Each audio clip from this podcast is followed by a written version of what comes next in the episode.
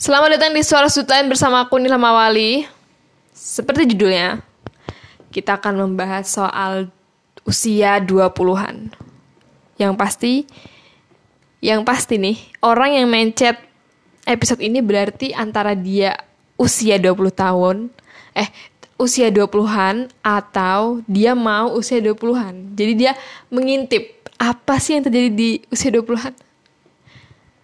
Jadi asal mula aku bikin eh episode kali ini itu adalah ada sebuah video di TikTok yang lewat. Terus tulisannya kayak gini. Riset. Usia 20-an adalah masa hidup yang terberat. Empat alasan kenapa masa emerging adulthood itu unik tapi berat. Emerging adulthood tuh maksudnya ya usia 20-an itu.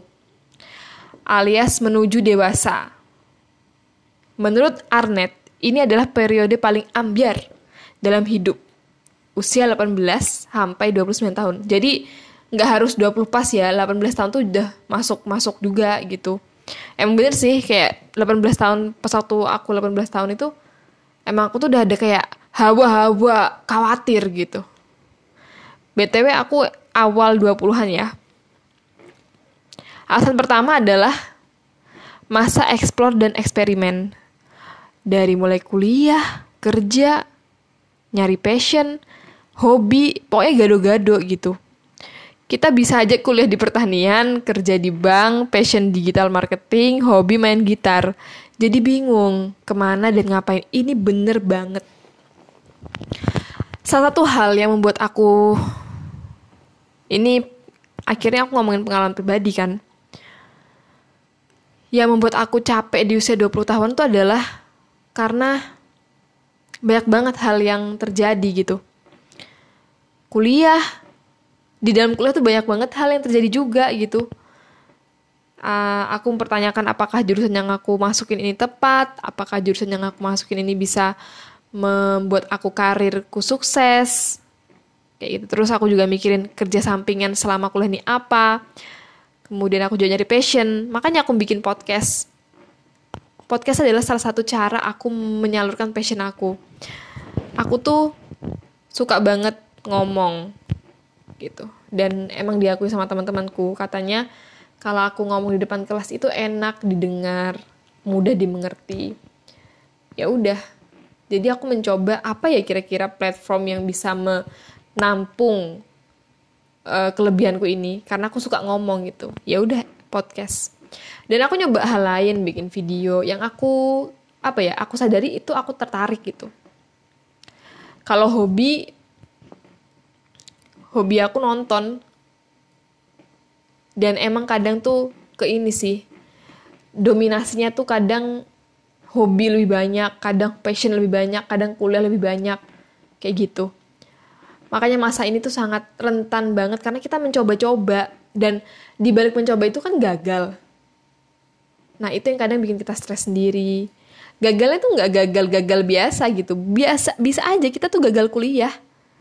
Teman aku banyak banget yang kuliah udah setahun terus dia keluar untuk pindah ke kampus lain.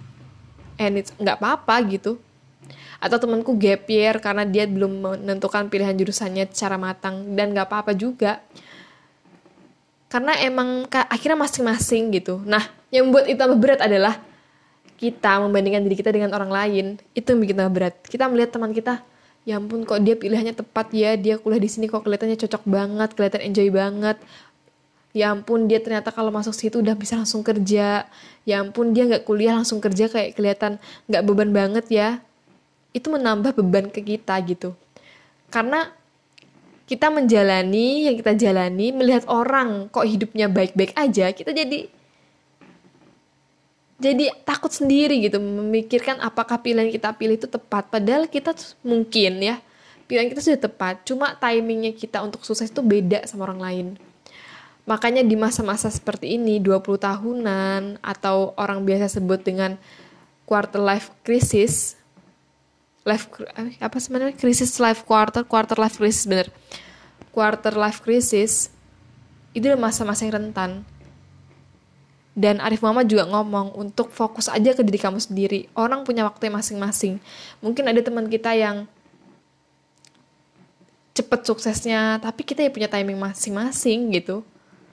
Alasan kedua yang membuat uh, usia 20 tahun ini sangat berat adalah tiba-tiba harus mandiri. Ini bener banget. Ya namanya juga hasil penelitian ya. Bayangin ya kita tuh di bawah 20-an semua itu diurusin orang tua kita masuk SMA mana ada di SMA penjurusan kan? Kalau pas satu zamanku kita cuma menjalani ya kayak temen gitu kan? Tiba-tiba kita disuruh milih masuk jurusan apa. Kayak gitu. Di saat kita SMA kita uang jajan setiap hari dikasih karena kita masih SMA kita masih satu rumah sama orang tua. Jadi kita cukup makan di sekolah aja uangnya untuk makan di sekolah aja bukan makan sehari-hari gitu.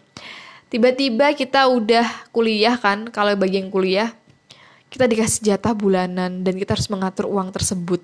Akhirnya kita ngerti kenapa orang tua tuh selalu mengajarkan kita untuk tidak buang-buang makanan.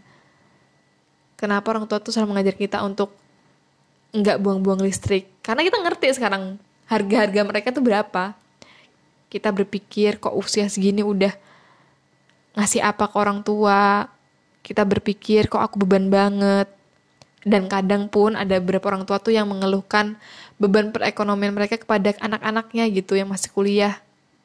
Jadi kita sendiri kan kayak nggak enak gitu loh. Terus juga di usia lebih dari 20-an itu kita mulai kehilangan teman-teman kan. Kita akui aja, nanti akan aku bahas lebih jauh tentang pertemanan kuliah versus SMA atau versus sekolah. Karena it's totally totally different, alias beda banget akan aku bahas lebih jauh nanti di sudut mahasiswa aja. Alasan ketiga, kenapa usia 20 tahun itu unik tapi berat. Krisis identitas. Setiap jam 2 pagi, siapa gue sebenarnya, apa tujuan gue hidup, kenapa gue lahir, kenapa hidup gue nggak seberuntung si B. It's it's very bener banget. It's bener banget. Overthinking kalau kata anak zaman sekarang kadang-kadang kita jam 2 pagi belum ketidur gitu kan kita mikir sebenarnya aku ke dunia ini ngapain sih kok kayaknya cuma jadi beban orang tua aku masuk ke jurusan ini nih nanti bisa lulus nggak ya nanti keluar bisa dapat kerja nggak ya sebenarnya tujuan aku hidup ini ngapain sih kenapa aku lahir gitu kalau cuma jadi beban kenapa ya hidup aku nggak seberuntung si A si B kok aku lihat hidup dia mulus-mulus aja ya. Itulah pemikiran-pemikiran para remaja overthinking di luar sana, termasuk aku. Alasan keempat, labil dan tidak stabil. Karena lima tahun pacaran, akhirnya putus, tujuh tahun sahabatan, tahu tolos kontak, 25 tahun hidup, makin jarang kontak orang, makin tua, emang kualitas hubungan makin dikit. Uh, soal hubungan ya, hubungan pertemanan terutama, emang banyak banget orang bahas kalau semakin dewasa itu pertemanan semakin kecil. Mungkin salah satu alasannya yang aku tahu, yang aku rasain itu udah karena kita itu berteman dulu pas satu SP, SMP, SMA itu apa ya? Kita disatukan oleh kondisi gitu loh. Kayak kita ya sekolah harus ketemu mereka gitu. Mau nggak mau suka atau tidak suka kita ketemu sama teman kita sekelas tiap hari, hampir setiap hari. Akhirnya kita menjadi dekat gitu. Nah, masuk-masuk usia lewat sekolah gitu, masuk-masuk kita eh, kuliah, apalagi udah nggak kuliah, teman kita udah mulai sibuk dengan kesibukannya masing-masing gitu. Untuk mempertemukan kita setiap hari itu nggak mudah. Kita ketemuan setiap bulan atau setiap minggu aja itu udah syukur. Kita ketemuan reunian aja udah syukur. Gimana setiap hari seperti kita sekolah gitu. Dulu bisa-bisa topik pembicaraan tuh habis gitu karena saking seringnya kita ngobrol. Tapi sekarang ketemuan seharian di cafe itu nggak cukup untuk membahas semua hal yang udah kita lewatin tanpa mereka gitu. Dan kita mungkin mulai gengsi untuk ngechat mereka atau say hello karena mungkin kita merasa nggak ganggu mereka atau susah banget ngumpulin mereka karena kita yang effort sendiri untuk ngumpulin, kita sendiri yang excited untuk kumpul-kumpul, sedangkan mereka cuma ya terserah ngikut aja. Emang uh, di saat-saat seperti ini tuh apa ya? kita merasa kesepian itu sangat sangat sangat berpotensi gitu. Tapi ingatlah ya teman-teman, emang gitulah kehidupan gitu loh. People come and go. Tapi itu yang nulis, people come and go terus kapan stay-nya? tapi pada akhirnya tuh yang akhirnya stay sama kita ya diri kita sendiri ya enggak sih? Dan keluarga. Jadi uh, teman-teman yang mungkin mau masuk usia 20 tahunan atau masih usia 20 tahunan 21, 22, 23, 24, 25, 27, 29 akhirnya kita tuh punya diri kita sendiri. Jangan terlalu berharap sama orang lain. Lakuin aja yang terbaik untuk terus menjalin silaturahmi dengan teman kalian tapi jangan terlalu kayak apa ya menggantungkan kebahagiaan sama mereka gitu. Kayak kalau nggak ketemu mereka tuh ya nggak bisa bahagia ya jangan gitu. Karena mereka pun hidup untuk diri mereka sendiri bukan untuk kalian kayak gitu. Sebenarnya aku kayaknya udah pernah bahas ini deh di aku kesepian tapi tidak masalah. Kapan-kapan aku bahas lagi deh temanya kayak berteman dengan diri sendiri gitu. Karena kalau ngomongin kesepian ngomongin gak punya teman aku tuh paling kayaknya bisa dibilang paling jago deh. Karena aku tuh ngerti banget gitu perasaan itu dan aku tuh udah menjalani berbagai macam pertemanan di dunia ini. Mulai dari pertemanan yang ganjil pertemanan yang aku effort sendiri dan pertemanan-pertemanan lain yang aneh-aneh. Akhirnya aku berdamai gitu dan sekarang hidupku damai banget. Karena aku sudah berteman dengan diriku sendiri. Tapi apakah berarti aku nggak berteman dengan temanku yang lain yang lama? Ya enggak aku tetap berhubungan dengan mereka aku tetap membuka untuk pertemanan baru tapi tidak menggantungkan kebahagiaanku di sana gitu. Aku nggak kayak berusaha seperti dulu kayak aku pokoknya harus membuat mereka selalu stay dengan aku nggak. Aku yang sekarang adalah orang mau stay nggak apa-apa mau pergi juga nggak apa-apa. Kayak gitu. Akhir kata untuk teman-teman yang masuk 20-an atau mau masuk 20 tahunan dan merasa takut, ingatlah teman-teman, hidup ini terdiri dari berbagai fase, termasuk yang ini akhirnya kita tuh nggak bisa mengulang masa lalu. Dan kita tidak bisa memprediksi masa depan. Kita nggak bisa ngontrol masa depan. Geser-geser aja nggak sih? Apa yang mau terjadi terjadilah.